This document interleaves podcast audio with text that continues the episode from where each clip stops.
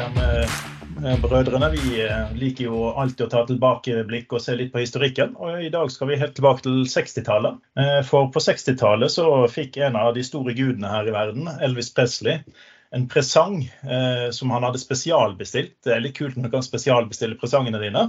Eh, men RCA ville gjerne gi han en gave pga. alle millioner av platene han hadde solgt for dem. Eh, så han ville ha en, et skrivebord, eh, og da fikk han spesiallagd et skrivebord. Og det skrivebordet var helt unikt, for det inneholdt bl.a. en 14 tommer TV, som var den minste TV-en som noen gang var lagd. og ikke engang RSA mente de kunne lage den. Eh, I tillegg til å ha denne TV-en, så hadde han da selvfølgelig en kalenderdel, han hadde radioer, og han hadde en 8-track recorder. Så dette var det man kunne helt klart kaller for Modern Workplace. Så jeg tenkte vi skulle diskutere litt videre i Elvis sin ånd, og så ha med oss Dag Nydrud fra Microsoft og Ståle Hansen, og så vår kjente bror Alex eh, eh, på plass. Eh, hvordan går det med dere, gutter? Veldig bra, takk. Vi snakket akkurat om at, eh, på hvilken side av fjellet vi er, da. Ja, ikke sant? Ja. Det, det, er dessverre ikke plass til alle på riktig side av fjellet, sånn, så dere får finne det på den østsiden der. Nei, og her skinner sola. Ja. ja, den gjør det. Gjør det faktisk. Ja.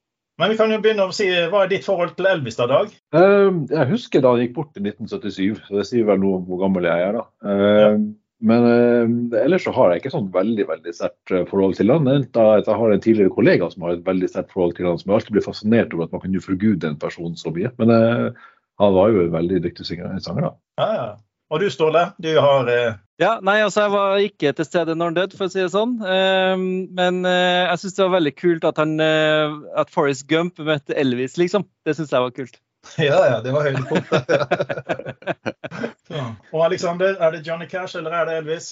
Nei, jeg må krype til korset der og si at der er det Johnny Cash. Ah, ok. Ja, Siden det er så eh, variable Elvis-holdninger her, da, så tenker vi heller får snike oss over på, på, pulten til Elvis og begynne å snakke om uh, Modern Workplace. Uh, for det var jo veldig tidlig ute å tenke en så bra definert arbeidsplass. da. Eh, på 60-tallet og faktisk tenke på at du måtte ha en skjerm å se på, du måtte ha kalender, eh, alarm i klokken og sånne type ting. Det, det, er jo ganske fantastisk. Og det, det konseptet har jo videreutviklet seg av bl.a. Microsoft, ikke sant Dag? Det har det jo for så vidt. Uh, med, med en a computer on every desk and a computer on every home, så er vi gått uh, langt forbi det skrittet som uh, var da det tidlige mantraet i Microsoft. Men nå har vi jo tatt det her til nye høyder. Og jeg tror nok at etter at eh, pandemien satte en liten stopper for det dagligdagse her for eh, litt, eh, litt, over to år siden, snart to år siden, så, så har vel alle fått akselerert litt sånn, i sitt egen bruk av teknologi i, på kontoret sitt med å plutselig måtte dra hjem og jobbe derfra. Det ser vi bl.a. på bruken av Microsoft Teams, da, som, som, er veldig veldig mye brukt her i Norge. Faktisk jeg, så er jo, jeg tror jeg nevnte det, jeg har nevnt det flere ganger i alle fall, at uh, vi i Norge er jo et av de største Teams-brukende land i verden. Hvis vi ser på i forhold til eh, befolkningen her. Da. Så det er jo veldig veldig hyggelig å tenke på. Ja. ja, i hvert fall veldig hyggelig for Ståle. Han er vel kanskje en grunn for at mange av disse prosentene er konsumert? Ja, det, det er min Jeg tar den æren, Det er helt greit, det. Ene og alene, ikke sant? Ja ja. Ingen, ingen betenkeligheter ved det. Nei. Nei. men, men, det er jo et ganske vidt begrep, eh, så vi, kanskje vi skulle begynne å, å, se litt på hva mener man med modern workplace, og litt av disse hype-wordene som dukker opp når vi begynner å snakke om dette. her. Så, så har dere en god definisjon, eh, Dag eller Ståle? Ja, altså, um, Vi prater jo veldig mye om hybrid work i disse dager. Sjøl har jeg også tatt mer til uh, å se på liksom, hva, hva betyr hybrid egentlig. Og vi, når vi var hjemme i pandemien og det var fullstendig lockdown og alle satt hjemme, så var vi jo alle sammen på hjemmekontor. Um, og den hybride arbeidsplassen uh, er jo det som skjer da når man går da tilbake til kontoret igjen. Men ikke nødvendigvis alle går tilbake, i hvert fall ikke alle samtidig. Som betyr at du vil ha en del av arbeidsstokken på kontoret, en annen del av arbeidsstokken hjemme. Og fra et persons, en egen persons perspektiv så vil det jo si at av og til er man på kontoret, og av og til er man hjemme. Så er jo spørsmålet da hvor mye er man på kontoret, hvor mye er man hjemme. Eh, men det er jo det å få til det her hybride settingen her, er jo faktisk det mest komplekse. Hvordan få det her til å fungere optimalt. Det er vanskeligere enn når vi da alle sammen satt på hjemmekontor. Microsoft har gjort en undersøkelse også eh, etter pandemien. Eh, det um, Work Trend Index, hvor de spurte 30 000 arbeidere i 31 land. hvor, eh, hvor de fant ut det at 73 ønska fleksibilitet, dvs. Si bestemme litt sjøl hvor de ønsker å jobbe. Mens 67% de ønska faktisk å jobbe på kontoret. Og hvis vi sammenligner de prosentene, så er det mer enn 100% Og det er jo det vi gjerne kaller the hybrid paradox. At folk ønsker både å være på kontoret og fleksibel. Så det, det er liksom ikke enten-eller på arbeidsplassen. Og det betyr at vi står overfor en ganske unik utfordring i forhold til hvor er det folk er hen, hva kan vi forvente av in person meetings, eh, og hva kan vi forvente i forhold til samarbeid. Eh, og, det tenker jeg at folk må være veldig sånn bevisst på at du kan ikke bare kalle inn og forvente at folk skjønner at de skal være på Teams eller på kontoret. Og, mm, og mm, man må tenke seg litt mer om da, som organisasjon. Konsentrere seg litt mer, rett og slett. Mm. Jeg, jeg syns faktisk at vi kan si at uh, vi har rullet veldig fort tilbake til gamle synder. Eh, for jeg har opplevd i det siste allerede å fått møteinnkallelser hvor det er et møterom, men ikke en Teams-invite. Eh, og den bør nesten ligge i sjelen nå, at du skal ha begge deler hvis du har det på kontoret også. Eh, mm. For det, det, det, er jo to, to, ting å tenke på. Det ene er at det er ikke sikkert alle er på kontoret. Men det andre er at å sitte i Teams og lage møtenotater og den typen ting, dele linker som du har seinere, er jo også en god utvidelse av selv et fysisk møte. Mm. Jeg, husker, jeg, husker, en av de artige opplevelsene jeg hadde når jeg gikk på universitet i litt voksen alder. Da jeg eh, satte meg sånn inntrykk av at eh, skulle du studere, ja da måtte du ha Mac, for du måtte ha noe du kunne skrive på. Eh, likevel så var det den store oppstandelsen når man så Surface med penn og håndskrift på skjerm. Det var liksom den store oppdagelsen. da. Så man merker jo det at det tar lang tid å endre holdninger og måter å tenke på. Ikke bare for den enkelte, men også for hele industrien. Jeg tror ikke at den, den, den um, læringen vi har gått gjennom de to årene her, da, uh, vi har, vi har, gjort noen signifikante løft på bruk av teknologien her. Uh, vi har, vi har, det, har, det ville tatt oss ti år å, komme, å, få alle ansatte i alle bedrifter til å lære seg å bruke denne teknologien, som de har gjort nå over de siste to åra. Det, det har tatt tid dersom det ikke hadde vært for at vi blitt tvunget ut i det. Så det er, det er veldig mye eh, bra som har skjedd her også. Men et annet parameter her, og Du refererte til den Work Trend Index-rapporten. Ståle. Det er veldig mange interessante punkter som er kommet fram der. Et annet interessant punkt der er jo det også at eh, de aller aller fleste har nå sett verdien av den fleksibiliteten det er å kunne jobbe hjemmefra. Og de ønsker å ha den fleksibiliteten videre. Det går litt på det paradokset her. Det du, du, har en enorm frihet. Det har hjulpet til veldig mange på tidssklemma, særlig de med små barn. Men, det, men ikke, bare, ikke, bare, der. Det, det, gir en fleksibilitet som folk har satt pris på. Um, og vi ser nå at Samme undersøkelse sier nå at 53 av, av alle disse 30 000 menneskene som blir spurt, de setter nå da helse og well-being og fleksibilitet høyere enn jobb. Så det betyr veldig mye for folk, eh, det faktum at du skal få den fleksibiliteten. Ja, og, og det kan jo bety da at uh, du velger å ikke reise til kontoret for den der timesmøtet som noen har kalt inn på det møterommet. Så som Olav sa, at uh, det å, sende ut en møteinvitasjon i dag uten en Teams-komponent, liksom, det er jo bare Hva skjedde? Hvor, hvor er linken min? Jeg hadde ikke tenkt å uh, Fem minutter før møtet så skjønner du at det var forventning om at du skulle være på kontoret, og det hadde ikke du tenkt over i hele tatt. Så det å forvente at alle møter har en Teams-komponent er viktig, og da må vi også sørge for at rommene er tilpassa det. Fordi folk faktisk eh, har eh, mer fokus på sin egen tid da, og sin egen well-being, og skjønner det at å reise to timer for å være i timesmøte, det er ikke det jeg ønsker å gjøre i dag. Jeg får jo stadig kommentarer om det. også. Senest i dag her på kontoret, nå er jeg på kontoret her i Eh, i Microsoft. Og jeg møtte en kollega som ikke hadde sett på noen uker da. Og hun sa det at eh, hun hadde jo nå vært ute og reist og vært på forskjellige møter da, rundt omkring. da, Og var for, altså bare tenk bare med å skrekk og gru hvor mye tid jeg kastet bort på denne reisinga, som mhm. tidligere var liksom helt naturlig del av jobben. Nå innser man faktisk på hvor mye bortkasta tid det egentlig er. Eh, og veldig veldig mange av disse møtene kunne vært gjort digitalt i stedet for. Vi hadde spart så ufattelig mye tid. Så eh, veldig mange setter pris på det her. Eh, og det er liksom sånn at En ting er å komme inn til kontoret, liksom, men det, før pandemien så var det liksom sånn at du måtte nesten ha en grunn, en god grunn til å ha et hjemmekontor. Nå må du ha en god grunn til å komme inn til kontoret. Og Dette er en utfordring som veldig mange ledere nå står overfor. Hvordan skal vi få folk inn til kontoret? De er nødt til å gjøre det så attraktivt at folk får lyst til å komme inn. For Det er faktisk de ansatte som nå er i førersetet. De har sett verdien av det her. Og vi ser også nå at en veldig stor andel av ansatte eh, globalt sett sier opp sin jobb. Eh, rett og slett fordi den arbeidsgiveren de nå har nå, ikke gir dem den fleksibiliteten de ønsker, og søker til plasser hvor de kan få den fleksibiliteten. Ikke bare det. Vi har jo hatt eh, eksempler, og i tidligere podkaster vi har diskutert, så har vi jo hatt eksempler der kaffen er dårligere på kontoret enn den er hjemme. Så det har jo absolutt Altså, du får det verre av å gå på kontoret enn å være hjemme. Så ikke bare er det hessel og bry, men eh, du får i tillegg bedre kaffe og tjenester med å sitte hjemme. Mm.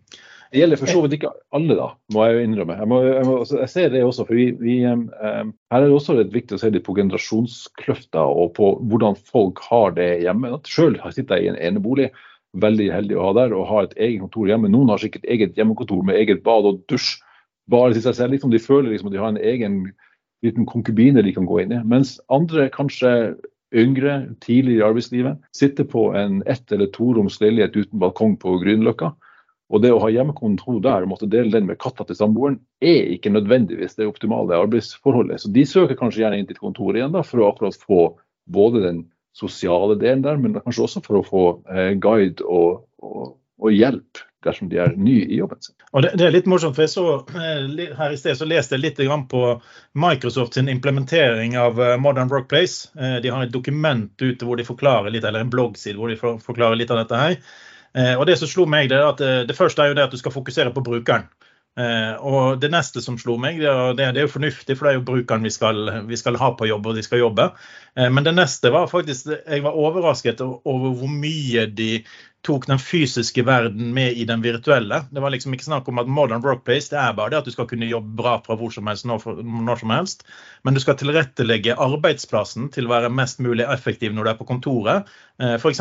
med adgangskortet ditt. Det bruker du både på parkeringen hvis du har parkering, komme deg inn i bygget, eh, gå i kantinen osv. Så altså sånne små enkle ting, men alt er jo med i en modern workplace hvor du optimaliserer arbeidssituasjonen for brukerne, sånn at de har det bra. Jeg tenker jo, jeg tenker, Det er et godt poeng også, eh, at eh, altså Modern Workplace-kontoret skal være tilrettelagt. Og, og, kanskje den største utfordringa vi har i dag, eh, når folk kommer tilbake på kontoret, og som vi ikke ønsker skal få support-ticket på, det er det fungerer bedre hjemmefra. Ikke sant? Du kommer på kontoret, du kommer innafor uh, de fire veggene og liksom OK, nå skal vi jobbe, og så fungerer Teams dårligere. Der uh, treger SharePoint, det er treger pålogging. Det er liksom bare Det her tok meg ti minutter istedenfor uh, ett og et halvt på hjemmekontoret, liksom. Det er det du blir sammenligna med eh, når du kommer tilbake. Også. Så det tenker jeg at bedrifter må være veldig fokusert på. Så da kommer du egentlig litt inn på hva vi hadde kalt eh, work-life harmony, var ikke det du liker å kalle det, Ståle? Jo, work-life harmony, og det handler jo rett og slett om, eh, som, som Dag nevnte, at ja, kanskje jeg ikke skal reise inn til kontoret. Vi kaller det reis, ikke sant? Ikke, for no, altså, mer enn en halvtime så er det jo en reise. Eh, og at man føler at eh, nei, men jeg vil faktisk eh, ha harmonien, og vi kaller det ikke balance, eller for det er ikke noe balance. altså den balansen, det var noe vi snakka om på 90-tallet. Eh, mens harmony handler om at du må finne den altså det samholdet mellom jobb og privatliv som harmonerer med det livet du har. eh, altså familien, at uh, ungene er, føler at du er til stede samtidig som du er nok til stede på jobben. Så det er en harmoni der som må fungere bra. Eh, og um, Da er det jo flere teknikker man kan bruke på det. Det ene er jo selvfølgelig å commute litt mindre, sånn at du er tilgjengelig klokka fire til middagen. Men det andre er jo selvfølgelig digital well-being, som jeg snakker veldig mye om. Da. Og um, Det handler rett og slett om at du må jobbe smart i Microsoft 365 i Modern Workplace. Sånn at du ikke jobber mot strømmen, men lærer deg hvordan verktøyene faktisk kan brukes på en smart måte. To do for oppgaver, eh, Viva Insights for å måle liksom hvordan du gjør det. Eh, Teams-kultur og ikke minst eh, få notifications på riktig tid. Ikke mellom fem og ni, men at du får det mellom åtte og fire på dagen, f.eks. Eh, sånne ting er det man må tenke på også som eh, individ. Jeg tror det som eh, har, har liksom vært en sånn utrolig fascinerende ting, det er sånn Schrødingers produkt. Og det er rett og slett for tre år siden så var det tidsklemmen. Det var utfordringer med at sjefen prøvde å nå deg på kveldstid. Du fikk møteinnkallelser på søndager, og eh, du satt i telefonen på vei hjem fra kontoret. Det har nå egentlig alt sammen blitt tatt godt imot, for det, at det gir deg muligheten til å være hjemme. Så er det egentlig det at du slipper pendlingen som er blitt den store faktoren, eller er det den hjemmekontor med eget bad og dusj som, eh, som gjør dette her? Litt interessant det, for oss. Jeg var også i um, en seanse med EY, og de uh, gamle Ernst Young EY-gjengen. så De har også gjort en undersøkelse i Norge på det her. og Der så de faktisk at denne fleksibilitetsfaktoren her var viktigere her på Østlandet enn var, på, var i, i Nord-Norge.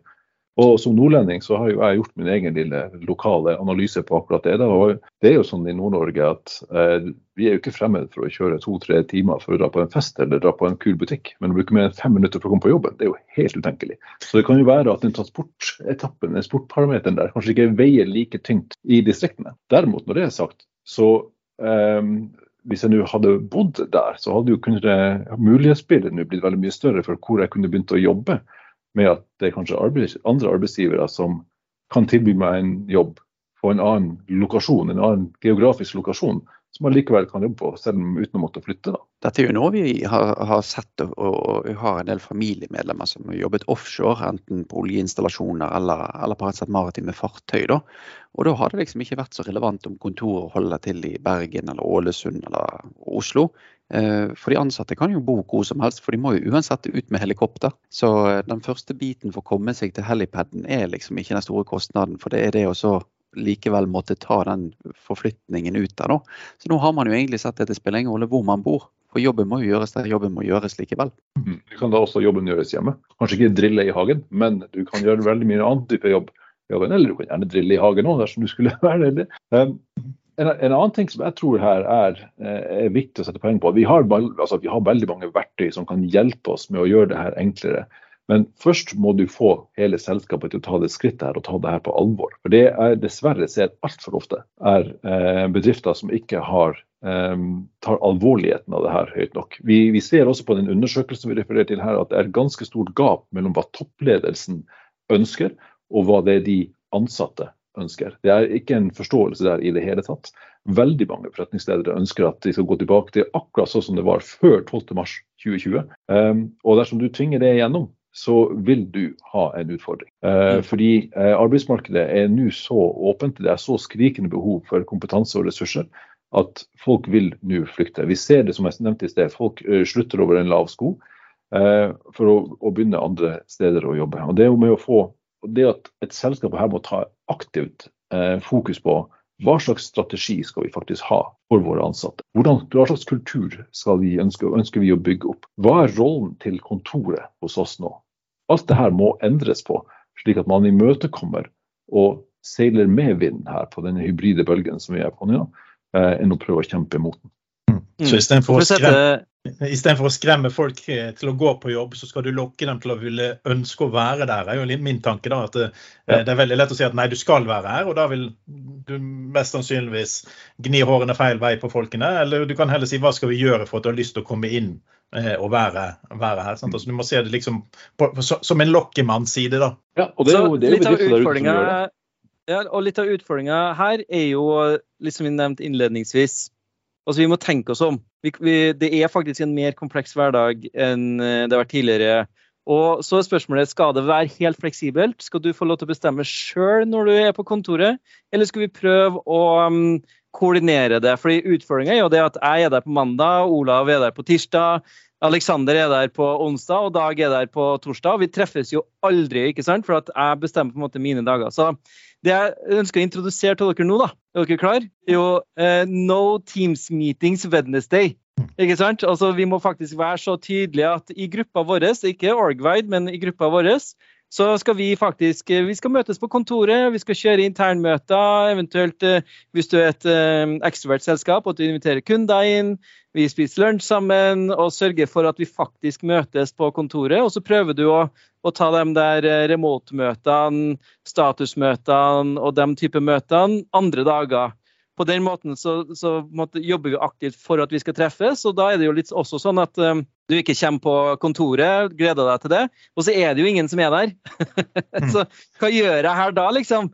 Um, eller det motsatte, at jeg kommer på kontoret, og så sitter jeg egentlig bare i Teams-møter. Uh, og hva var vitsen med å, å, komme da? Og så blir det sånn Nei, men jeg orker ikke å dra på kontoret, for jeg vet jo ikke om folk er der. Men når du vet at uh, kollegaene dine er der, ja, da har du lyst til å komme, faktisk. Og Det er derfor det er så viktig at for det første, selskapet som en organisasjon må bestemme seg for hva er spillereglene hos oss. Hvor mye skal du være, er det forventa at du er på kontoret, hvor mye er det forventa at du skal, være, skal, kunne være hjemme. Og vi, har, vi, vet jo det at det er enkelte aktører der ute som strekker denne strikken til. Hos oss får du 100% fleksibilitet. Du bestemmer selv helt hvor du ønsker å jobbe. Posten i Norge er et eksempel på det. Nina Yttervik hadde en webinar med her for en stund siden. De bruker jo det aktivt for å tiltrekke seg de beste talentene. For de vet det, at de beste talentene søker den type arbeidsplasser igjen. Eh, men det er jo ikke nødvendigvis optimalt, da, for vi trenger jo også å møtes. Vi trenger å, ha, å få eh, inspirasjon og kreativitet til å blomstre. og Det skjer ofte når du da ikke treffer, eh, når du treffer folk som du ikke prater med til vanlig. Og det er da å eh, sette opp spilleregler, kanskje ikke for bedriften, men for avdeling er viktig. Og Da kan du ha som sånne sier her, no Teams meetings on Wednesday, ja det er en måte på oss. Hos oss så har vi sagt at um, min avdeling vi prøver å komme inn på onsdag og torsdag.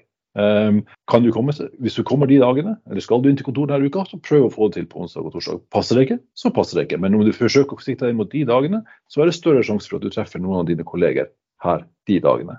Og Så ender vi jo selvfølgelig opp med Teams-møter. Eh, det er vanskelig, jeg, jeg, ser ingen dager i min kalender for jeg klarer å ikke ha et Teams-møter. Jeg kan prøve å ta den utfordringa, Ståle. Jeg skal, jeg skal gjøre et forsøk. Ja, en dag, en halv dag. En dag. Prøv, en dag skal jeg prøve å få det til. Um, men, men, det å ha et rammeverk der man blir enige om spillereglene når forsøker vi å være på kontoret? Om man er et stort kontorbruk, så kan vi si vi forsøker å eh, på en måte sogne til det her området av kontoret, slik at man vet geografisk på kontoret hvor man typisk finner eh, sine egne kolleger, og andre kolleger i bedriften vet hvor den avdelinga typisk sitter. Denne. Eh, så man kan ha disse reglene. Man kan også ha regler om når man sender mail, når man har forventning om hvor fort skal man svare, eh, hvordan man skal håndtere sine møter, hvor man skal praktisere det her med, med å inkludere alle sammen. Sett opp disse spillereglene så alle har det klart. og Så kan man da gjøre justeringer etterveis hvis man ser at det her kanskje ikke passer for akkurat min bedrift, eller eh, etter hvert som man lærer å, å gå fra. Jeg, tror også det at eh, vi ser nå at det kommer mye mer ansvar på ledere, altså de som har direktekontakten. For du vil se eh, mange mennesker som vil ønske å være 100 hjemme. Men en god leder vil kunne se på personen og si at ja, du har faktisk behov for å være her en dag i uken eller to dager i uken. For personlig ser du kanskje ikke hva du har best av selv, du ser bare hva du har mest lyst til. Eh, så jeg tror eh, lederansvaret er ganske stort for å finne ut hvem, hvor, hvor ligger riktig frihetsnivå. Basert både på avdeling som en, en, funksjon, men også som de ansatte som en enkeltindivid. Men det, det, går også på at det kan godt være at en person faktisk klarer seg veldig bra hjemme. Men det kan være godt være det at den kompetansen som den personen har, er mm det er behov for den på kontoret for å kunne enklere kunne dele den kompetansen med andre. Det er et vel så viktig argument. Og så er det alltid mye lettere å kjefte og hyle litt på en som er i nærheten av deg, istedenfor over Teams. For at disse filtrene på Teams fjerner det når du begynner å ta i, så kommer det ikke så bra fram. Sant? Jeg eh, husker en diskusjon jeg hadde med en som er program manager i Microsoft. og Han sa det at eh, hvis det var én ting Teams egentlig gjorde veldig bra, så var det det at man flyttet ting bort ifra e-post. Så istedenfor å kjefte på hverandre via e-post, som egentlig ble Du, du trenger ikke engang å kjefte på dem, det bare var misoppfattelser som oppsto av seg selv. Så bare det å prate med dem, så forsvant egentlig misoppfattelsen. Så her var du nødt til å være sur på dem før møtet oppstår. Jeg tenker litt tilbake til det som ble nevnt eh, tidligere her. også Man må bestemme seg for hva man skal gjøre. Eh, når jeg snakker med organisasjoner, jeg snakker med ledergrupper, jeg snakker med mm, digital eh, workplace-grupper osv., så, videre, så er det noen som også har tatt et har tatt et bevisst valg på at vi skal ikke dogmatisere. Vi, skal, vi, har full frihet, full fleksibilitet, så om du vil bruke andre verktøy, så gjør du det. Eh, og så om det er Slack eller Teams eller Zoom eller uh, whatever eh, du fant at det var lurt å bruke, så, så skal du få lov til det. Eh, det jeg har da snakka om, er jo at det er flott, det. men vi må ha en viss standardisering, fordi det viser seg at møtene kjøres i Teams. Og når, eh, når du da skal legge til rette på kontoret og sørge for at møterommet er tilrettelagt, ja, så bør du bruke Teams-utstyr for det. Men så er det jo mer enn Hvis du skal få den effekten av det, da, så må du jo også prøve å bruke mer av Teams, altså chatten i Teams, filene i Teams, notatene i Teams osv. For på en måte å få den gevinsten som ligger der. Eh, sånn at du ikke bare bruker bits and pieces, som er litt, litt det man har gjort tradisjonelt. fordi da blir det jo også overveldende. Det er litt informasjon her, litt informasjon der. Hva gjør du med information eh, governance og information protection osv. Og, og, og, um, og det, blir, det blir et kaos for brukeren. da. Sånn at her òg er det litt sånn Ja, du, du, tror du har lyst til å jobbe sånn, men faktisk hvis du jobber sånn, så blir det jo en mer eh, flytende hverdag, eller hverdagen flyter litt bedre for deg. Og, Det er også noe man må tenke gjennom eh, i det her også. At ja, vi skal ikke dogmatisere, men noen beslutninger må vi faktisk ta, og de bør komme eh, som en strategi. Mm. For det blir litt det, det, å finne fram hvor du snakket om noe. Altså, var det et møte i Teams, Zoom, Slack? Eh, var det en e-post? Var det en diskusjonsforum? Altså det, det er litt av det WhatsApp-melding ja, sant? Så du vet at du har diskutert dette, men du, du, husker ikke hvor. Sant? Så jeg har mer enn nok ganger blitt sittende her og, og lete. Vi har dessverre slik som Eller dessverre, utviklerne våre elsker det, og det er bra. og De bruker det effektivt på sin metode. Men samtidig så kommuniserer vi med en annen halvdel av firmaet som bruker Teams. Eh, og så lurer jeg alltid på hvor var det vi diskuterte dette. her, For du treffer veldig mange på begge plattformer. Sant? Og det er ikke mm. noe integrering som er bra nok mellom de til at man finner informasjonen. Så det, så det er veldig fornuftig det å, å sitte seg ned og lage en strategi på hva bruker vi. Eh, du skal få lov å ha så mange møter du vil, men de skal være i denne skalaen pga. de tingene du sa. Men, mm. men, men, det tar jo også litt inn på eh, andre ting. da. Er det sånn at man kan si at siden nei, vi slo på Teams, nå er vi Modern Workplace. Er det, er det, er det bare det som skal til? Ja. Ja, OK, nei, men da sier vi takk for nå, så og, så, og så, det er kjempebra. Ikke sant? Men, men, så er det som Dag sa innledningsvis, altså den, den, modenheten vi har fått gjennom de to årene nå, er jo unprecedented. Altså det, det, har aldri skjedd før at vi har så eksponentielt tatt i bruk en, en teknologi. Så det jeg også ser, er at um, nå er folk klar for uh, å tilpasse måten man jobber på i Teams. Eh, jeg snakker litt om Teams-kultur, chat-kultur versus uh, channel chat-kultur versus uh, e-post. Uh, og, og, passe på å snakke sammen på en smart måte. Fordi det er jo sånn at Hvis du føler at du blir overveldet av teknologien, så, så, er det jo ikke fordi at teknologien er feil. Det er bare det at ok, men her må vi ta et steg tilbake, og så bruker vi teknologien riktig her nå. og jeg tror vi er i en situasjon nå hvor vi er såpass modne hvor vi kan gjøre den endringen. da at folk skjønner at ja, men her må det være en bedre måte å jobbe på. Kan du være så snill fortelle meg hva den bedre måten er på? Så jeg tror det er en, en fantastisk mulighet for å drive adopsjon av god samhandlingskultur, en ny samhandlingskultur. Litt for ofte så ser vi det at folk bruker Teams som det var 1995. Altså når e-post ble eh, mainstream, ikke sant? Uh, og, og, vi bruker Teams på samme transaksjonelle måte, men her må vi faktisk retenke måten vi forholder oss til hverandre på. Eh, og, og, det skjer nå, faktisk. Det er så mye som skjer rundt det. Egentlig en fantastisk mulighet her nå til å ta, også se på eksisterende eller manglende forretningsprosesser. Veldig mange forretningsprosesser i dag som hos mange selskap fortsatt er analoge.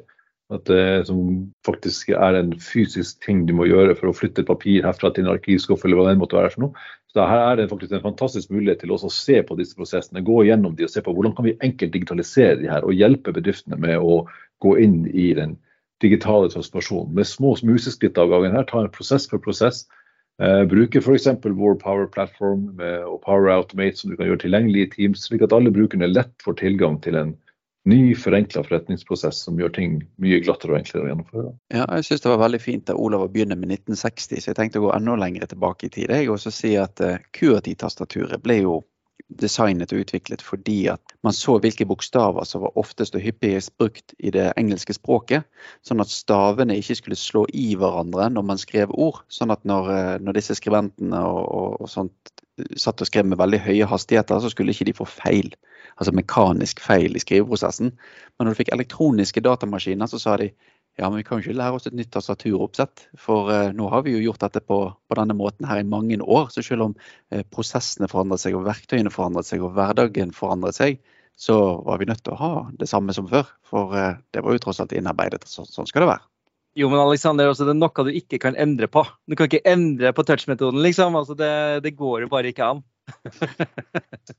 Skal vi ta en vedd på det? Skal vi få tak i et tastatur, og så sender vi det til deg, Ståle, så ser vi om du klarer å endre deg?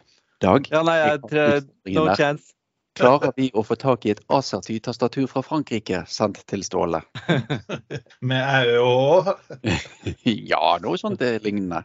Ja. Det, det, det, jeg tror som er en veldig viktig faktor oppi dette, her, da, det er at det ligger en god del eh, monitoreringsverktøy.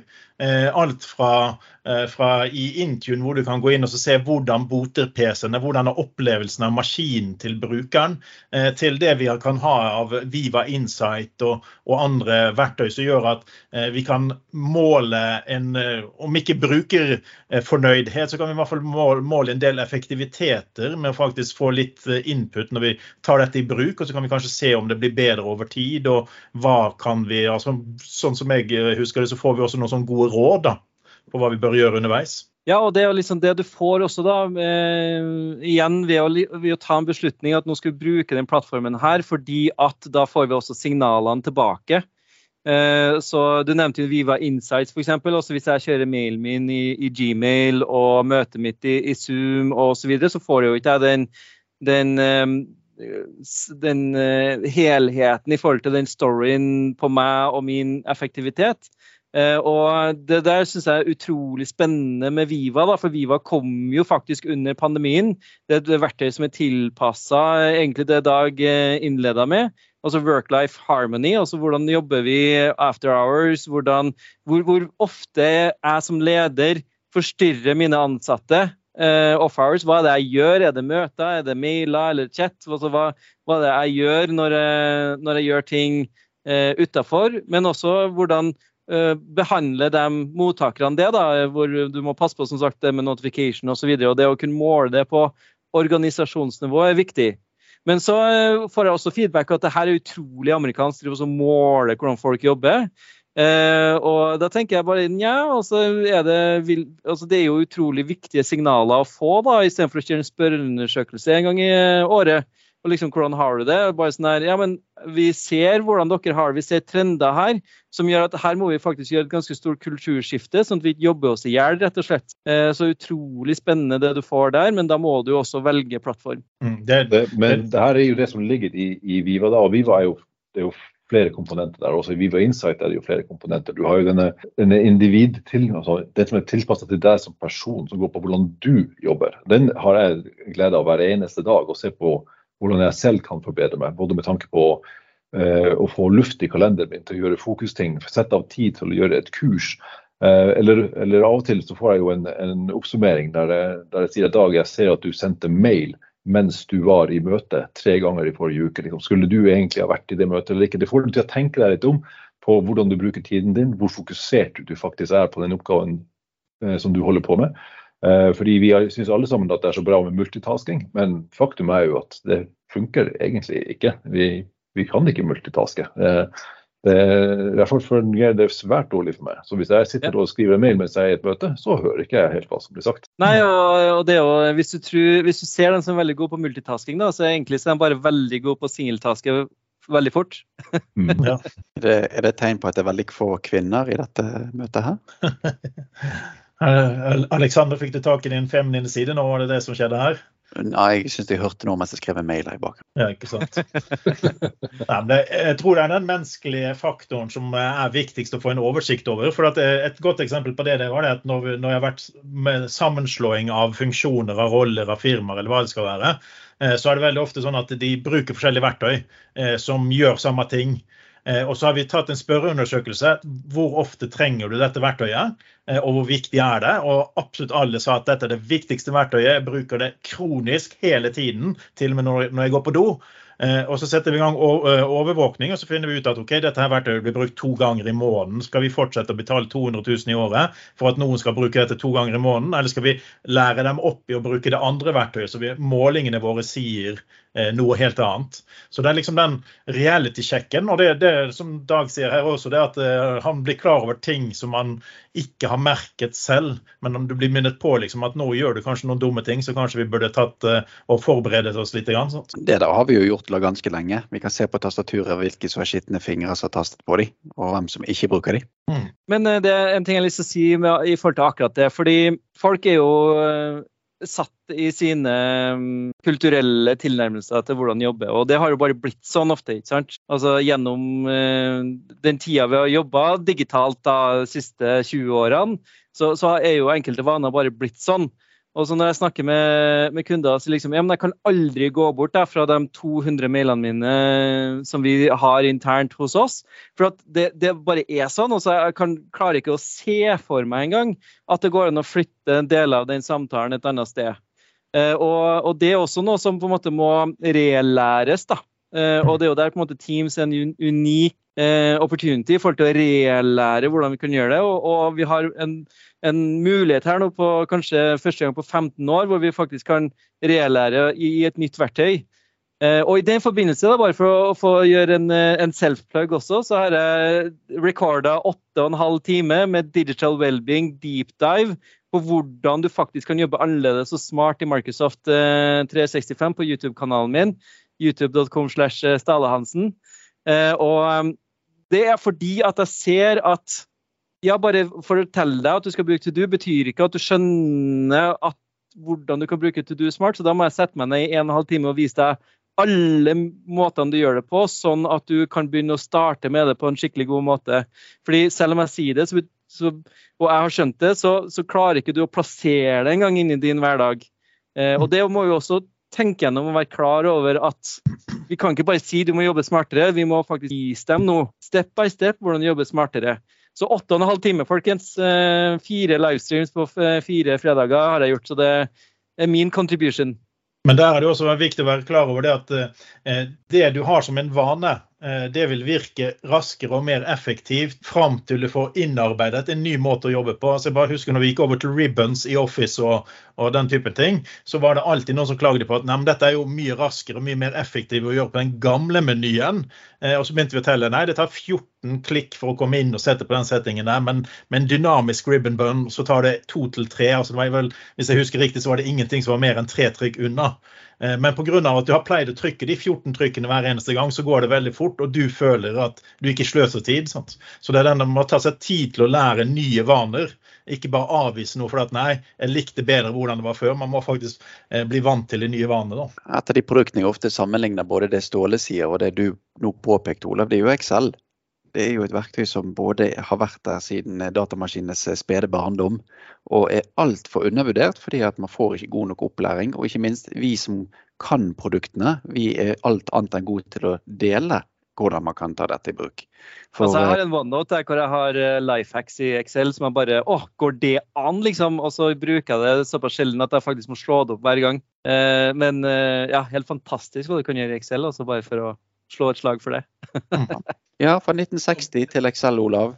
Hva tenker du om Modern Workplace? Hva jeg tenker om Modern Workplace? Nei, altså Jeg vil jo gjerne helst ha pulten til Elvis, jeg, da. Eh, jeg kan jo påpeke at jeg har vært på Graceland og eh, betalt for VIP-touren, sånn at jeg kunne komme bak oss og ta bilde og se på denne eh, skrivebordet, som jeg mener da fortsatt er en helt unik pult, bare pga. at han var så forut sin tid med å kombinere hva man egentlig trenger for å kunne jobbe effektivt. Så, så jeg er fortsatt stor fan av Elvis, både sin pult og sin musikk. Så det er min, min take om Modern Rock Place. Ja, og du da, Dag. Er det er det digital well-being som er stikkord, eller er det work-life harmony som du verdsetter mest? Ja, de, de, to tingene der er vel ganske nær hverandre, egentlig. Jeg tror det er, uh, det er viktig med å møte de ansattes behov nå. Gi dem den fleksibiliteten de krever. Uh, det er viktig å se på den strategien som du skal ha som selskap. Det er viktig å skjønne på kontoret ditt. Det er også viktig, som vi så vidt snakker om her, å se på hvordan lede i en hybrid hverdag. Hvordan skal en leder til seg. For det krever atskillig mer tilstedeværelse um, for å kunne ha, være en god leder. Og det er, en, det er, også et løft som, som, dagens ledere må ta inn over seg og se på hvordan man skal enklere plukke opp signaler fra sine egne ansatte og, og passe på at de faktisk har det bra. Så deres uh, well-being er viktig. Um, men ellers så tror jeg bare det her er en kjempemulighet for å virkelig akselerere inn i framtiden. Og, og gjøre oss både mer produktive, mer effektive i en fleksibel hverdag. Og til deg Ståle, hvor kan vi få tak i Lifehack OneNote-filen din? Ja, den, den, ligger jo eh, på link på, på, YouTube, det er bare å, å, se på den. Men det jeg har lyst til å nevne er at jeg har til og med laget en keynote eh, for ledere eh, som heter Empatisk lederskap. Eh, og hvordan du kan bruke Microsoft 365 og Viva til å understøtte det. Jeg sier ikke at du skal drive det, men understøtte det. Fordi det er jo den moderne formen å lede på. Vi har nevnt i dag at folk jobber der de ønsker å jobbe. Og hvis ikke du som bedrift tilpasser deg måten jeg jobber på, så finner jeg et annet sted å være. Og det å være som leder, da, å være empatisk nok til å fange opp signaler, som du sier, legge til rette for, ha forståelse for. At uh, selv om du ønsker å jobbe på hjemmekontor hver dag, så ser jeg på deg at du burde ha vært på kontoret én gang i uka i hvert fall, og, og legge til rette for det. Så, så, det er jo den store lederchallengen egentlig nå i, fremover. Så det, uh, der også må man passe på at man tilpasser seg eh, dagens eh, modern workplace og hybrid workplace. Ditt syn da på dette her, Alexander? Oh, jeg eh, mener jo det at alt som har med modern workplace, det begynner å starte med Windows 11. Ja. jeg tenker vi skal begynne å nærme oss en avrunding, men, men mitt, mitt viktigste uh, som jeg har fått ut av dette her, da, det er egentlig det at alt starter med brukeren alt skal fokuseres rundt brukeren, og ikke nødvendigvis med eh, at han får en blankosjekk eh, og blir lokal administrator og alt det du måtte ønske, men man skal gjøre det man kan for at brukeren skal jobbe produktivt og effektivt uten å bli plaget. Eh, og så begynner man å legge på teknologien for å støtte, unna, støtte under brukeren. Ikke hive inn teknologi, og så tvinge brukerne til å bruke det, men finne ut hvordan vil dette kunne hjelpe brukerne våre å jobbe. Eh, kunne det vært en eh, grei nok oppsummering, Dag? Ja, det, det, jeg tror det er mange oppsummeringer av det her. Jeg tror det, ja. det, er mange fasetter rundt den hybride arbeidsplassen som man må tenke på. Jeg, jeg tenker også på det her med at eh, brukeren skal være i fokus. Jeg er helt enig i det, men ledelsen må ta det her inn over seg. Altfor mange mm. selskap eh, tar for lett på den, eh, den oppgaven som står foran oss nå. Eh, og, og, trenger å bruke atskillig mer tid på å gå ut av denne pandemien enn det gjorde da de gikk inn. Mm. Og så revurder er vel kanskje det viktigste. Eh, når du har implementert noe du syns er bra nå, så er det ikke sikkert det er bra om et halvt år. Så revurder strategiene dine og se om du kan gjøre dem bedre. Så ha en jevnlig plan om å tenke over hva kan vi gjøre bedre. Altså, Modern Workplace det er ikke én løsning som implementerer i dag, og sånn er han fullgod de neste fem årene. Absolutt. Men da tror jeg vi skal si takk for denne gangen. Tusen takk for at du kom, Ståle og Dag. Veldig hyggelig å være her igjen. Alltid hyggelig. Ja, snakkes vi. På gjenhør.